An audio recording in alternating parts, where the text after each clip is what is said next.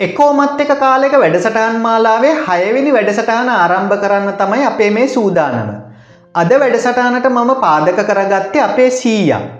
ඒ කියන්නේ අපේ අම්මගේ තාත්තා ඒ කාලය ගැන කියපු රසකතා කිහිපයක් ඕගොල්ලොන්ට අරගෙන එන්න. මුලින්ම මම අපේ සීය ගැන ඕගොල්ලොන්ට පොඩි විස්තරයක් අරගෙන එන්නම්. අපේ සීයගේ නම තමයි සුගත දාස විජේසිංහ. සීය ඉපදුන එක්දස් නමසේ විසි හතා අවුරුද්දේ ගාල දිස්ත්‍රික්කයේ සීය තමයි පවුල වැඩිමලා වනේ. සීයට මල්ලිල දෙන්නෙකුයි නංගි කෙනෙකුයි ඉන්නවා. එක්දස් නමසේ තිස් තුනවුරුද්ධ ගාල්ල උනන් විටිය සිංහල බෞද්ධ පාසලෙන් අධ්‍යාපනය ලබල බද්ධයගම රතනසාර බෞද්ධ විද්‍යාලයට ඇතුළත් වෙලා ඊට පස්සේ බද්ධයගම ක්‍රිස්තු දේව පිරිමි විද්‍යාලයෙන් සහ ශාන්ත අන්තෝනි ඉංග්‍රීසි විද්‍යාලයෙන් ඉංග්‍රීසි අධ්‍යාපනය ලබල ජේෂ්ඨ පාඨශාලා සහතික පත්‍ර විභාගය විශිෂ්ට ලෙස සමත්වෙන්න සීයා වාසනාවන්ත වෙනවා. ඊට පස්සේ රජයේ ලිපිකරු සේවා විභාගයට ඉංග්‍රීසි මාධ්‍යයෙන් පෙනීදල්ල අපේ රටේ දහවෙන ස්ථානය හිමිකර ගන්නවා. එක්දස් නමසේ අතලිස් පහවුරුද්ධ ලිපිකාර සේවයට බැදෙන සීයා ටිකෙන් ටික ලිපිකරු සේවය අධි ශ්‍රේණියටම ගමන් කරනවා. ඊට පස්සේ උසස් අධ්‍යාපන අමාත්‍යංශය යටතේ තියෙන ගාල්ල කාර්මික විද්‍යාලයේ ලේකකාධිකාරී තනතුර හොබවනවා. එක්දස් නමසේ අතලිස් පහවුරුද්දෙන් ආරම්භ වුණු සීයාගේ රාජ්‍ය සේවය එක්දස් නමසි අසූ දෙකවුරුද්දෙදි අවසන් වෙනවා. රාජ්‍ය සේවේ නිරත වෙලා ඉන්න කාලෙ අතරතුර දිසාපතිවරු තුන් දෙනෙක්ගෙන් සහ මහාධිකරණ විනිශ්චකාරවරුන් කිහිප දෙනෙක්ගෙන්ම විශිෂ්ට සේවා සම්මාන ලබාගන්නත් සීයා වාසනාව ලබනවා. රැකියාවෙන් විශ්‍රාම ගත්තත් සීය විශ්‍රාමදිවිය විවේකයෙන් ගත කළේ නෑ. සීයා බෝපේ පෝද්දල ප්‍රාදේශය සභා අනුබද්ධ මහජන පුස්තකාල පාටක සමාජයේ සභාපති විදියට සේවය කළා. ඊට පස්සේ විදායක කමිටුවේ සාමාජිකත්වය දරුවා ඊට පස්සේ ගාල්ල අක්මීමන රාජ්‍ය හා පලාත්පාලන විශ්‍රාමිකසා සුභසාධක සංසදය අනුශාසක දූරය දරුවා ඉතිං සීයාගේ ගම්පලාත ගාල්ල බද්ධගම වුණත් රාජ්‍ය සේවේ නිරත වෙලා ඉන්නකොට සීය රට වටේම වැඩ කළා. ඒ නිසා රාජ්‍ය සේවේ සහ සමාජයේ සුප්‍රසිද්ධ පුද්ගලයින් ගොඩක් ලගින් ආශ්‍රය කරලා තියෙනවා. සියට ගොඩක් දේවල් අහන්න වගේම දකින්න ලැබිල තියෙනවා. ගොඩක් අත්දැකීම් ලැබිල තියෙනවා. ඉතින් සීයගේ අත්දැකීම් සීය අපි එක්කත් බෙදාගත්තා. අපිව හම්බුනාම ගොඩක් රසවත් දේවල් කියනවා. ඉතිං ඒ ඔක්කොම මතකතියාගන්න අමාරුයි මොකොද සීය ලබාගෙන තියෙන මේ අත්දැකීම් සමුදාය මහා සාගරයකට උපමාකරොත් ඒ අත්දැකීම් වලින් සීය අපිට කියල තියෙන පිහිනුම් තටාගයක් තරම් දේවල් විතරයි. හැබැයි ඒවායෙන් අපේ මතකේ තියෙන්නේ නම් බෝතල් මූඩියකට අල්ලන වතුර ප්‍රමාණය විතරයි.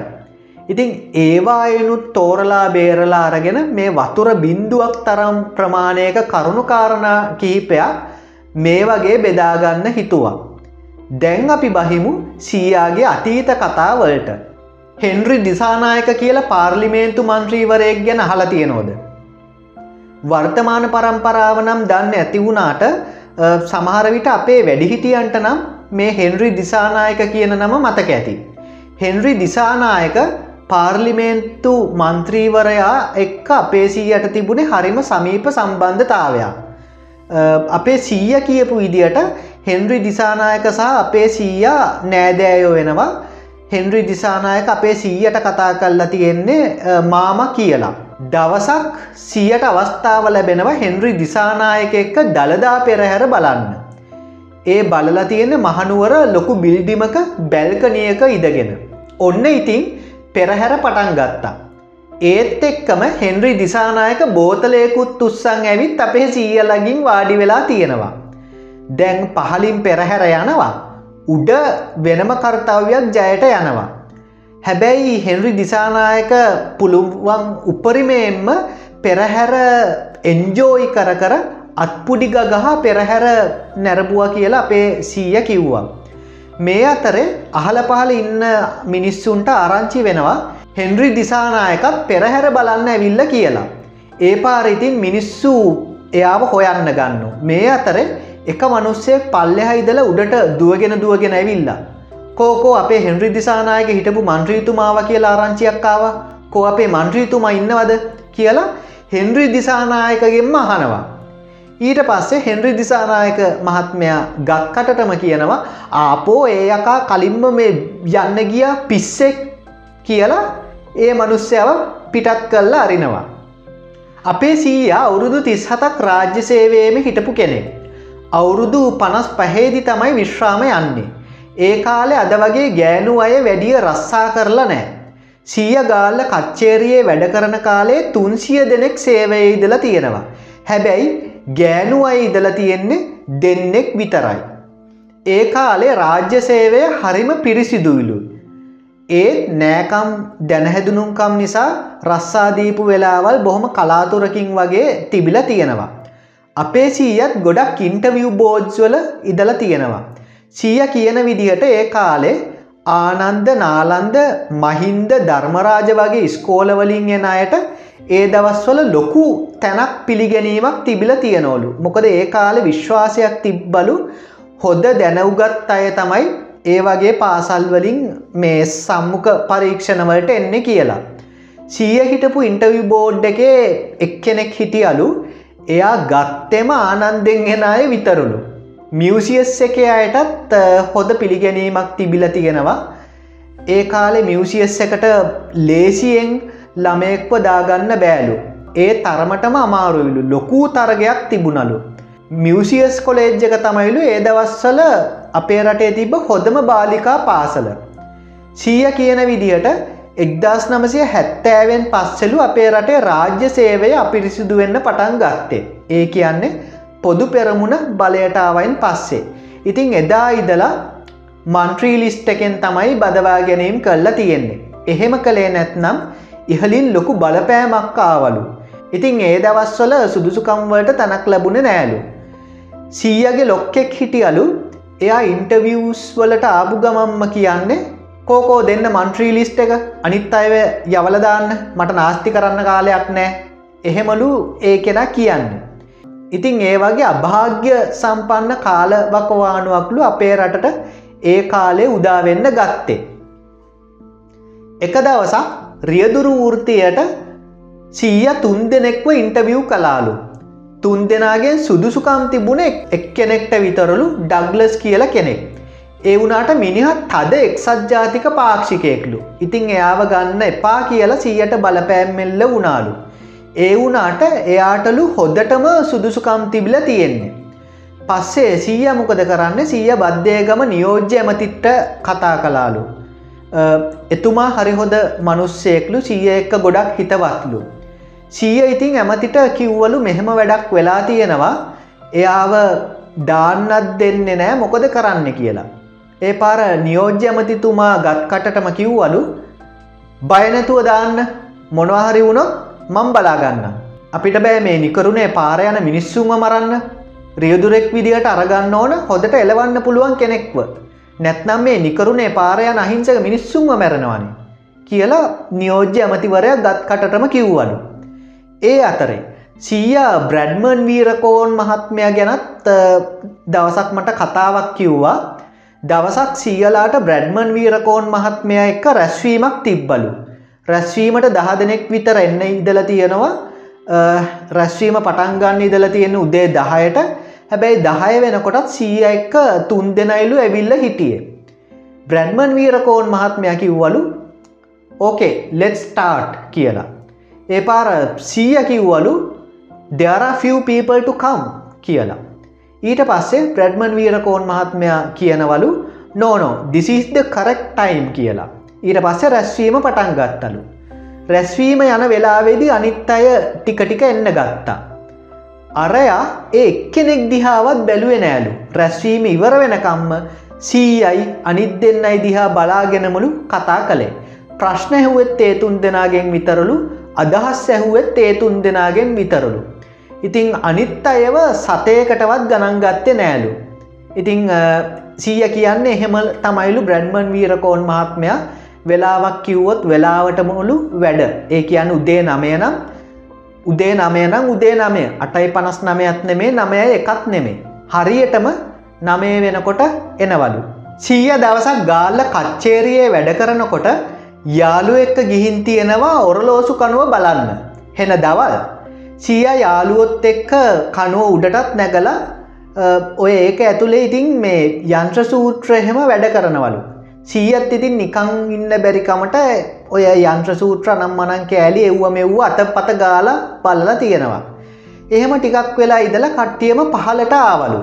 පහලට ඇවිත් උඩ බලද්දී අම්මට සිරි ඔර්ලෝසුවේ බට්ට නතර වෙලා. පස්සේ ආයිත් සීය උඩට නැකල ආයිත් යන්ත්‍ර සූත්‍ර නම් මනන්ටික අතගෑවම ඔන්න දැන් ඔර්ලෝසුවේ බට්ටව වැඩ කරන්න ගත්තලු. ඊට පස්සේ සීයා ආයි පහලටාවලු. ඊට පස්සේ ආයි ඔර්ලෝසුව දිහා බැලින්න ඇත්ත වෙලාවට වඩා ඔර්ලෝසු කනුවේ වෙලාව විනාඩි තිහක් පරක්කුයි. ඒ කියන්නේ ඔර්ලෝසු කනුවේ වෙලාව විනාඩි තිහක් නතර වෙලාලු තිබිල තියෙන්නේ. ඒ පාර ආයිත් උඩට නගින්න කම්මැලි නිසා කට්ටියම මොකොද කරන්නේ ආයිත් එන්න ඇවිත් තියෙනවා. වැඩේ කියන්නේ ඒ වෙලාව දිගටම හෙම්මම තිබිලා. ඒ කාලෙ ගාල්ල ටවම මිනිස්සු අලුත් අවුරුද්දේ චාරිත්‍ර වාරිත්‍ර ඉෂ්ට සිද්ධ කරන්නේ ඔරලෝසු කනුව වෙලාව බලාගෙනලු. ඉතිං ඒ කාලෙ ගාල්ලට සිංහල අලුත් අවුරුද්ධ උදාවෙලා තියෙන්නේ විනාඩි තිහක් පරක්කු වෙලා. සීයට අවස්ථාවක් ලැබෙනව පානදුරේ අරියදම්ම හාමුදුරුවන්ට මාසයක් විතර ඇබිත්තකම් කරන්න. ඒ කාලේ හාමුදුරුවන්ගේ හැම දෙයක් ගැනම හොයල බලලා ඒවා කරලා දීලා තියෙනවා. හාමුදුරුවන්ගේ සම්බන්ධිකාරක විදිහට සීය වැඩ කරලා තියෙනවා.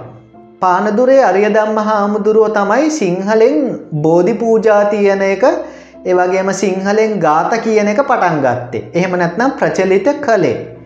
ධර්මදේශනා හෙමත් හරිම හොදයි. ඉතින් ගොඩක් අය මේ හාමුදුරුවන්ගෙන් බණ ඇහුවා. සෝම හාමුදුරුවන්ගේ කාලෙ වගේම මේ හාමුදුරුවන්ගේ කාලෙ හුග දෙනෙක් හැදුනා. රටේ හොරමැරකම් සාපේක්ෂ වශයෙන් පොඩ්ඩක් අඩුවනා. හාමුදුරුවෝ රටවටේම ධර්ම දේශනා තිබ්බා. හාමුදුරුවෝ කළුතරත් ධර්මදේශනා කිහිපයක් තියල තියෙනවා. හාමුදුරුවන්ගෙන් බණහන්න ගොඩක් අය යනේන නිසා හාමුදුරුවන්ට තාවකාලිකව නතරවෙන්න ටිකක් විශාල තැනක් ඕන වෙලා තියෙනවා.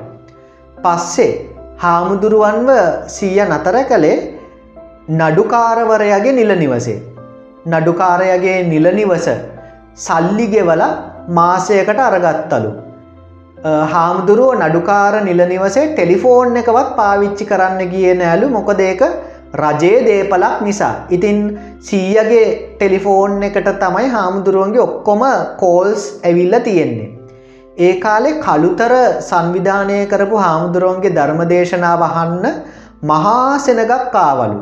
ධර්මදේශනාව තියන්න තිබ්බේ හවස හතරට හැබැයි උදේ එකොළහේ විතරිදම් නොනවත්වා ජන ගංගාවක් ගලන්න පටන් ගත්තලු. මේ අස්සේ පත්තරයක ගියාලු පානදුරේ අරියදම්ම හාමුදුරුවන් රජයේ දේපලවලින් අයුතු ප්‍රයෝජන ගනය කියලා ලිපියක්. පානදුරේ අරියදම්ම හාමුදුරුව කියන්නේ බොහොම නිවුණු හාමුදුරු නමක්. හැබැයි මේක දැකලා හාමුදුරුවන්ට හොදටම කේන්ති ගියාලු. දිසානායක මහත්තය සල්ලිගෙවලාන මේ ගෙදර මාසයකට අරන් දුන්නේ. මේක එහෙන බොරුවක්නේ තියෙන්නේ මං මෙහෙ පිනට ඉන්නවා කියලා. මේක වහාම වෙනස් කරන්න ඕන මේක වෙනස් කරන්න ඇත්නම් මං අද බණ කියන්නේ නෑ. ඔන්න හාමුදුරුවන්ගේ ප්‍රකාශනය. එතකොට ඉතින් පත්තරය ගිහින් ඉවරයිනේ වෙනස් කරන්න බෑනේ සීයල ඉතින් හාමුදුරුවන්ට හරියට ආයාචනා කලාලු ධර්මදේශනය තියන්න කියලා. හාමුදුරුව බෑම කිව්වලු. පස්සෙතින් මොනව කරන්නද වෙන හාමුදුරු නමක් වඩම්මලා ධර්මදේශනය සිද්ධ කලාලු. මේ කාලෙම සීයට ජනාධිපති මන්දිරයෙන් කතා කල්ල තියෙනවා ධර්මදේශනාවකට ජනාධිපති මන්දිරයට හාමුදුරුවන්ට වඩින්න ආරාධනා කරනවා කියලා. සීය ඇහුවලු කවුද කතා කරන්න මේ කියලා. එතකොට එහා පැත්තෙන් සීයට මේ වගේ උත්තරයක් කාවලු. ඒ කොහෙට වැඩක් නෑනේ කියපු දේ කරන්නකෝ කියලා උත්තරයක්. පස්සෙ සීයා මේ සිද්ධිය පානදුරේ අරියදම්ම හාමුදුරුවන්ට කියනවා. මම ජනාධිපතිට බයනෑ ජනාධිපති මන්දිරයෙන් නෙවේ මොකා කතා කළත් මම එන්නේ නෑ කියන්න කියලා හාමුදුරුව ටිකක් සැර උත්තරයක් සීයට දුන්නලු. අරියදම්ම හාමුදුරුවොත් තරුණ කාලයේදීම තමයි අපවත් වනේ. වසදීල අපවත් වනා කියලා විශ්වාසයක් තියෙනව කියලා තමයි සී අපිට කිව්වේ. අපේ සීය සෑහෙන කාලයක් මීගමුවේ වැඩ කරනවා. ඒ කාලේ මුළු මීගමුවෙන්ම බෞද්ධ පවුල් තිබ්බෙ තිස් පහයිලු. අනිත් ඔක්කෝම පවුල් කතෝලික පවුල්ලු. එකම එක පන්සලයිලු මුළු මීගමුවටම තිබ්බේ. පොලිසිය නම් ගොඩක් බෞද්ධය වැඩ කලාලු. වෙසක් එකට පන්සල හරහා සීයලා ඒ කාලෙ වෙසක් කලාපයම සංවිධානය කලාලු. ඉතිං වැඩිහරියක් මීගමුවේ කතෝලික මිනිස්සු හිටියට එයාලත් ඒ වැඩවලට හරි හරියට උදව් කල්ලා තියෙනවා. ඉතිං ඒ කාලෙ මීගමුවේ තිබ්බෙ බොහෝම සාමකාමී පරිසරයක්ලු. හීනටියන ධර්මාලෝක හාමුදුරුව තමයි මීගමුවේ බෞද්ධාගමික දේවල්වලට ගොඩක්ම කැපවෙලා තියෙන්නේ. මීගමුවේ ඉන්න කාලෙ හීනටියන ධර්මාලෝක හාමුදුරුවම අදුරගන්න අපේ සීයට අවස්ථාව ලැබෙනවා බොහොම කිට්ටුවෙන් ආශ්‍රය කරලා තියෙනවා. ඉතිං සීය කියන්නේ ධර්මාලෝක හාමුදුරුව කියන හෙන දැනුගත් හාමුදුරු නමක් කියලා. සීයත් ඒ කාලෙ හාමුදුරුවන්ගෙන් ගොඩක් දේවල් ඉගෙනගෙන තියෙනවා ලෝකයේ ආගම් ගැන මහා දැනුමක් ඒ හාමුදුරුවන්ට තිබිල තියෙනවා. දැන් අද ගොඩක් හාමුදුරුවරු අනිත්තාගම් විවේචනය කරන්නේ බනින්නේ එව්ව ගැන නිසි අධ්‍යයනයක් කල්ලා නෙමේ හැබැයි හීනටියන ධර්මා ලෝක හාමුදුරුවෝ ලෝකයේ තියෙන හැම ආගමක් ගැනම අධ්‍යයනය කල්ලා තියෙනවා. අප්‍රිකාවේ තියෙන ගෝත්‍රික ආගම්සා විශ්වාස ගැන හිටන් අධ්‍යයනය කරලා තියෙනවලු. ඉතිං ඉස්සර කාලයේ තිබිල මේ වෙනකොට නැතිවෙලා ගියපු ආගම් ගැනත් ඉගෙන ගත්තලු. හැබැයි කවදාවත් අනිත් ආගම්වලටවත් ඒ විශ්වාසයන් වලටවත් පහරගහන්න විවේචනය කරන්න ගියේ නෑලු. ඒ කාලේ පල්ලියෙන් තමයි මීගමුව පාලනය කරලා තියෙන්නේ. පල්ලියට විරුද්ධව යන්න මිනිස්සු බයයිලු. මීගමුවේ ගොඩක්ම හිටිය දීවර පවුල්. ඉතිං ඒ කාලෙ පල්ලියෙන් කිව්වලු හවසට මාළුවලට අයිස් දාන්න එපා කියලා.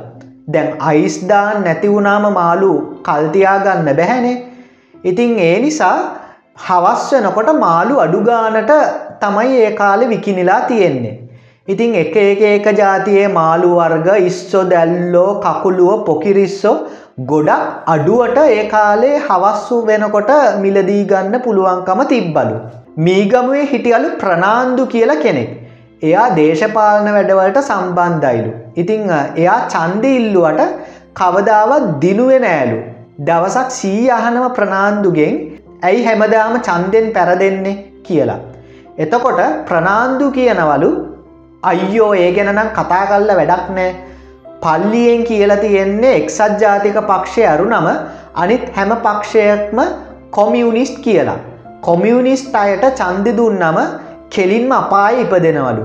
ඒ පව හෝදගන්න බෑලු. ඉතිං එයා පොදු පෙරමුණේ වුණත් එක්සත් ජාතික පක්ෂය නොවන හැම පක්ෂයක්ම දාලා තියෙන කොමියනිස්ට් ගොඩට නිසා එය හැමදාම චන්දෙන් පරදිනවලු. ඊට පස්සේ සීය කියනවා ආ කමක් නෑ. මිනිස්සුන්ට ඒක පැහැදිලි කරලා දීලා චන්දය දෙන්න කියන්න. පල්ලියද නෑන එයාලා කාටද චන්දය දුන්න කියලා. ඊට පස්සේ ප්‍රනාන්දු කියන මනුස්සය කියනවලු අයියෝ ඒත් වැඩක් නෑ. මෙයාල පවසමා කරගන්න වෙලාවේ පියතුමාලකට ගියාම පියතුමාට ඒක ගැන කියනවා. එතකොට පියතුමා මේක ගැන දැනගන්න. ඊට පස්සේ ඉතින් පියතුමා මෙයාලට බනිනවා පාපිෂ්ටයක් සමාවදීගන්න බැරි පාපයක් කල්ල තියෙන්නේ කියලා බනිනවලු. ඉතින් පල්ලියෙන් තමයි මිනිස්සු පත් වෙලා තියෙන්නේ මේ ගමුවට දවසක් පල්ලිය විවාහ උත්සවයක් ගන්න දීල නෑලු කතෝලික මනුස්සෙක්ට බැලින්නම් එයා සමසමාජකාරයෙක්. පස්සේ බිෂොප්ට කියන්න ගියාලු. පල්ලිය උත්සවය ගන්න දෙන්න ෑ කියලා. ඊට පස්සලු උත්සවය ගන්න දුන්නේ. තවත් දවසක් ඒ වගේම තවත් පක්ෂයක කෙනෙක්ගේ මරණයක් වෙලා පල්ලියේ වලලන්න ඉඩදීල නෑ. පස්සෙ පල්ලියේ ගේට්ටුව ළඟ සෑහෙන සෙනගක් එකට එකතු වෙලා එතන ලොකු රණ්ඩුවක් ගිහිල්ල තියෙනවා. ඊට පස්සේ දැම් මේ සේරම දැම් පියතුමාට බනින්න අරගෙන. ගේට්ටුව තල්ලු කර කර දගල දගල ඉඩලා. කොහොමරි එතන හිටපු කෙනෙක් කිව්වලු අපි ඔක්කොම එකට එකතු වෙලා යටින් තදගල්ල ගේට්ටු උත්සමු කියලා. පස්සේ ගේට්ටුව ගලවන්න යනවා කියලා පියතුමාට ආරංචි වුනාම පියතුමා බය වෙලා ඊට පස්සෙලු ඒ භූමදාන කටයුතු කරන්න පල්ලියේ ඒ ඉඩකොටස ලබාදීලා තියෙන්නේ. ඉතින් මීගමුවේ අහිංසක මිනිස්සු ගොඩක් ඉදල තියෙනවා හැබැයි එයාලා මේ විදියට පල්ලිය රූකඩ වෙලාලු ඒ කාලෙ ඉදල තියෙන්නේ. සීයගේ පරම්පරාවෙත් මහන වෙලා ඉදල තියෙනවා ගොඩක් භික්‍ෂූන් වහන්සේලා. බද්ධය ගමෙන් තමයි වැඩියෙන්ම මහන වෙලා ඉදලා තියෙන්නේ. ඒ භික්‍ෂූන් වහන්සේලා අතරින් ශ්‍රේෂ්ඨතම හාමුදුරුවෝ තමයි කරතොට ධර්මාරාම හාමුදුරුවෝ කියන්නේ. මේ හාමුදුරුවෝ වැලිවිට සරණංකර හාමුදුරුවන්ගෙන් අත්තරගම පඩිවරයාගෙන් ඉගෙනගෙන කීතිශ්‍රී රාජසිංහ රජතුමාගේ රාජාධි රාජසිංහ රජතුමාගේ අනුශාසකවරයා විදියට කටයුතු කල්ලා තියෙනවා. පස්සෙ හාමුදුරුවයි රජ්ජුරුවය අතර තියෙන සම්බන්ධයට ඉරිසියා කරපු යම් පිරිසා රජ්ජුරුවන්ට කියනවා කරතොට ධර්මාරාම හාමුදුරුව ලන්දේසීන් එක්ක කුමන්ත්‍රණය කරනවා කියලා. ඊට පස්සේ හාමුදුරුවන්ව හිර කරලා දාන්න රජ්ජුරුව නියෝග කරනවා. මේ වෙලාවෙ තමයි හාමුදුරුව භාරසකාව්‍ය ලියන්නේ. ලංකාවෙන් බිහිවුණු විශිෂ්ට කවියක්. බර කව ගබසක. පස්සෙ මේක රජ්ජුරුවන්ට අරිනවා. රාජාධි රාසිංහ රජ්ජුරෝ කියන්න ලොකු උගතෙක්. රජ්ජුරුවන්ට මේක තේරුම හොයාගන්න බැරුව යනවා. අනිත් අයගෙන් අහනවා යාල දන්නෙත් නෑ. පස්සෙ හාමුදුරුවන්ටම එන්න කියලා හාමුදුරුවන් එතෙන්ට ගෙන්නලා තේරුම අහගන්නවා. හාමුදුරුවන්ගේ බහුශ්‍රතකම ගැන පැහැදිලා සමාවාරගෙන පහතරට සංගනායක දූරය ඊට පස්සේ සිරීපාදේ නායක පදවිය ලබාදීල පල්ලෙ බැද්ද සංකපාල විහාරය ලබා දෙනවා. ඒ විතරක් නෙමේ පල්ලෙ බැද්දෙන් අක්කර දහතුන්දාහක් විතර හාමුදුරුවන්ට නින්දගමක් විදියට පූජා කරනවා. කරතොට ධර්මාරාම හාමුදුරුවන්ගේ ගිහි පරම්පරාව අද වෙනකොට පරම්පරා එකොළහක් නැත්නන් දොළහක් විතර වෙනකං ඇවිල්ල තියෙනවා. ඔය සෑම් විජේසිංහ කියන්නේ ඒ පරම්පරාවට අයිති කෙනෙක්. පස්සේ ඉතින් සුද්දන්ගේ කාලය වෙනකොට පරම්පරාවට අයිති ඉඩකඩම් වෙන වෙන අය අයිති කරගෙන තියෙනවා. පස්සේ විජේසිංහල එකට එකතු වෙලා එව්වට නඩු කියලා ඒ ඉඩන්ටික ආයි තමන්ගේ සන්තකයට අරගෙන ඒ ඔක්කොම පල්ල බැද්ද සංකපාල රජ මහාවිහාරයට පූජා කලා කියලා සීය දවසක් කිව්වා. හැබැයි අක්කර දෙකක් නැති වෙලා තියෙනවා මොකොද ලන්සියෙක් ඒ අක්කර දෙක බලෙන් අරගෙන තියෙනවා. සීය ගොඩක් හොදට දන්නදුරන බද්ධයගම හාමුදුරු නමක් හිටිය. අපේ නෑදෑයකුත් වෙනවා. දවසක් මේ හාමුදුරුව ගැන සීය අපිට සීයගේ මතකය අවදි කළා. මේ හාමුදුරුවෝ ඉස්සරහෙන දරදඩු කෙනෙක්. ලංකාවෙන් පාල්ලිමේන්තු ගියපු හාමුදුරුවරුන් අතරේ මුල්ම හාමුදුරු නම පළවෙනි හාමුදුරුවෝ කියලත් කියනවා හාමුදුරු ඉස්කෝල යන කාල හෙන ජVP කාරයෙක්. ඉතින් දෙවතාවක්ම ගෝරිදාගෙන ඉස්කෝලෙන් එලෙව්වලු. දෙවෙනි පාර එලවපු වෙලාව ඉස්කෝල එලියේ ඉන්නකොට පන්තිබාර ගුරුතුමිය ඇහුවලු ඇයි එලිය ඉන්න කියලා. පස්සේ ඉතින් විස්තරය කිව්වලු. ඊට පස්සේ විදුහල්පති ළඟට ගිහින් ගුරුතුමිය කිව්වලු ස මේලාමය වරගන්න නැත්නම් මං මේ ඉස්කෝලෙන් අස්වෙලා යනව කියලා. ඊට පස්සෙලු ආයිත් මේ හාමුදුරුවන්ව ඒ කියන හාමුදුරුව ගිහි කාලෙදි නැවත ඉස්කෝලෙට අරගත්තේ. හාමුදුරුව පාලිමේන්තුවට තේරී පත්වනාට පස්සේ හාමුදුරුවෝ කල්පනා කලාලු කාටද මම මුලින්ම මේ සතුටුදායක ආරංචිය කියන්න ඕන කියලා. එහෙම කල්පනා කර කර ඉන්නකොට මුලින්ම මතක් වුණේ අර ගුරුතුමියවලු. පස්සෙ හාමුදුරුවෝ ගුරුතුමියව හොයාගෙන ගිහින් සිවුර පිටින්ම චීවරය පිටින්ම ගුරුතුමියව බදාගෙන ගුරුතුමියට ඒ ආරංචිය කිව්වලු. ඉතින් ගුරුතුමිය හොදටම ඇඩුවලු සතුට දරාගන්න බැරුව හාමුදුරුවන්ටත් ඇඩුනලු. ඉතිං හාමුදුරුවෝ කියන්නේ ගුරුතුමිය නිසාලු හාමුදුරුව හොදට ඉගෙන ගත්තේ මහන වනේ හොද ගමනක් ආවේ. ගුරුතුමිය එදා හාමුදුරුවන්ව ඉස්කෝලයට අරගත්තේ නැත්නම් ඒ කාලේ JVP ව්‍යාපාරය නිසා අනිවාරයම පොලිසියෙන් වෙඩිකාලා මැරෙන්න්න ඉඩ තිබ්බලු. හාමුදුරුවන්ට ඉස්සර ඉංග්‍රීසි පොඩ්ඩක්වත් බෑලු. කැඩිච්ච ඉංග්‍රීසි වලින්ලු කතා කළේ ඉතිං හාමුදුරුවන්ගේ ඉංග්‍රීසි කතාහන ගොඩක් අය හාමුදුරුවන්ට හිනා වෙලා තියෙනවා.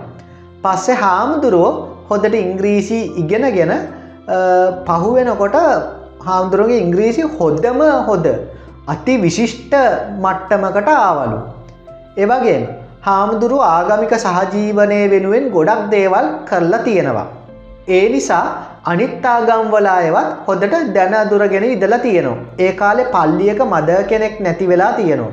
මේ හාමුදුරුවෝ අවමංගල්ලි උත්සවේ පටන්ගන්නත් සෑහෙන වෙලාකට කලින් එතෙන්ට වැඩම කල්ලා එතනින් අයත් එක්ක කතා කරලා උත්සවය ගැනහෙම හොයල බලලා තියෙනවා. පස්සේ එතන වාඩි වෙලත් ඉදල තියෙනවා. හාමුදුරුව කතාවක් පවත්තලත් තියෙනවා. භූමදානය කල්ල ඉවර වෙලත් එතන සෑහෙන පිරිසක් එක්ක හාමුදුරුව හිටියලු. ඉතිං එහෙම ඉදලලු ආයිත් හාමුදුරුව වැඩිය. ඉතිං එතෙන්ට ගොඩක් ඇවිල්ල තියෙන්නේ ෆාදර්ස්ලා මදර්ස්ලා සිිස්ටර්ස්ලා බ්‍රදර්ස්ලා ඉතිං හැමෝම ඒ අතරින් හාමුදුරුව කැපී පෙනෙනලු මොකදර හැමෝම සුදු පාටටන අදින්න ඉතිං සුදු ඇදන් ඉන්න දාහක් විතර දෙනාතරින් තැබිලි පාට සිවුර නිසා හාමුදුරුව හොදට කැපිලා පෙනිලා තියෙනවා. ඉතින් කෞද මේ හාමුදුරුව මේ වෙන කවුරුත් නෙමේ අපවත් වී වදාළ පූජ්‍ය බද්ධය ගම සමිත හාමුදුරුවෝ. සීය පැවතීගෙන ඇවිල්ල තියෙන ටිකක් ධනයසා බලය තිබ්බ පරම්පරාවකින්ලු. සියගේ මුත්තා වාසල මුදලි කෙනෙක් වාසල මුදලි කියන්න මුදලිටත් වඩා ඉහළ තනතුරක්. මුත්තට ළමයිදල නෑ ඒ වුනාට ලොකු සල්ලි ගොඩකුයි මහා දේපලකුයි තිබ්බලු. ඉඩකඩම්වලින් විතරක් අක්කර දෙදාහකට වඩා තිබිල තියෙනවා. ඒ කාලේ අලුත් අවුරුද්ධට සීයහේ ගියාම මෙයා අපේ සීයලාට එහෙම සල්ලි දෙනවලු. ලොකු වට්ටියක සල්ලි මිටි බෙදල තිබිල තියෙනවා. සීය කොලවලින් තමයි සල්ලි තිබිල තියෙන්නේ ඉතින් ඒ කාලෙ සීයක් කියල කියන්නේ අද කාලෙන ලක්ෂයක් විතර වෙනවලු. ඒ මුත්තට මුණුබුරෙක් වෙන දේශපාලඥයෙක් හිටියලු. කොමියනිස්ට් කාරයෙක්. ඒකත් හෙන වක්්‍රනෑකමක්ලු. මිනිහා ඉතින් මොකද කරන්නේ මුත්තගෙන් සල්ලි අරගන්න එකමලු කළේ. ඉතින් විසිදාහ තිස්දාහ හතලිස්දා පනස්දාහ වගේ ගණන් කඩාගත්තලු. සල්ලි ඕන වෙන වෙලාවට විතරයිලු මුත්තාව මතක් වෙන්නේ. දවසක් අපේ සීයා ඉස්කෝලි ඉවර වෙලා මුත්තගේ ගෙදරැවිත් ඉන්න වෙලාවක එක පාරටම ජR ජයවර්ධන ජනාධිපතිතුමා ආවලු. ඇවිල්ල මුත්තට බැන්නලු ඇයි කැතවැඩ කරන්නේ කියලා.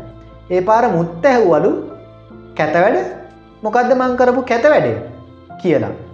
ඊට පස්සේ ජR කිව්වලු ඇයි දැන් කොමියනිස්් කාරයින්ට සල්ලි දීලා උදව් කරන්නේ අපේ පක්ෂයට උදව් කළොත් නරකද කියලා. පස්සේ මුත්ත කිව්වලු එයා මගේ මුණුබුරා මම ඒකයි යාට සල්ලි දුන්නේ. මුණුබුරාට නොදී මම වෙන කාට දෙන්නද කියලා අපේ සීයට කිව්වලු ගිහින් චෙක්පොත අරං ඇවිල්ල රුපියල් දාදාක් ලියන්න කියලා. ඒ පාර සීයත් ගිහිල්ල චෙක්පොත අරං ඇවිල්ලා චෙක්පොතේ ලිව්වලු රුපියල් දහදා. ඊට පස්සේ මුත්තා ඒක ජයාර්ට දෙනවා. කොහොමාරි මුළුබුරා මැරෙනවා. සිය කියන විදිට එයා මැරෙන්න්න හොද්දටම අසනීප වෙලා ඉන්නකොට. ඉතිං එයා අසනීප වෙලා ඉන්නකොට ප්‍රයිවට් හොස්පිල් එකකළු නතර කල්ල තියෙන්නේ.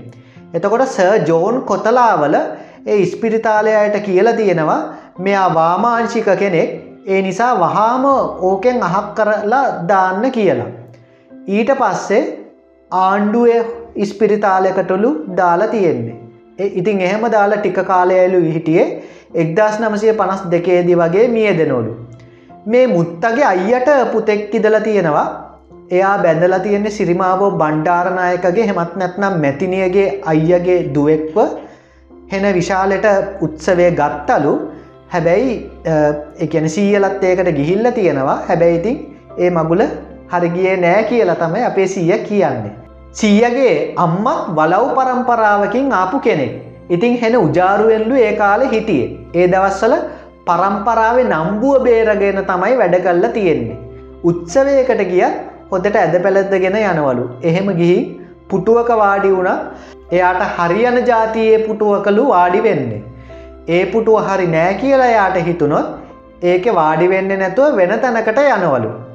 ආශ්‍රය කරත් ගොඩක් උසස් අයවලු. ඒ කාලෙ වලව්වල ඉන්න අයට ලොකු පිළිගැනීමක් තිබුණා. එහෙම විස්තරය කියල ඉවර වෙන ගමන්සීය කිව්වේ දැන්නං ඉතිං වලව් තිබ්බ තැනක දූවිල්ලක්වත් හොයාගන්න නෑ කියලා. ඉස්සර තිස්ස මහාරාමේ අපේ සීයගේ මහප්පා කෙනෙක් හිටියලු මහන වෙලා.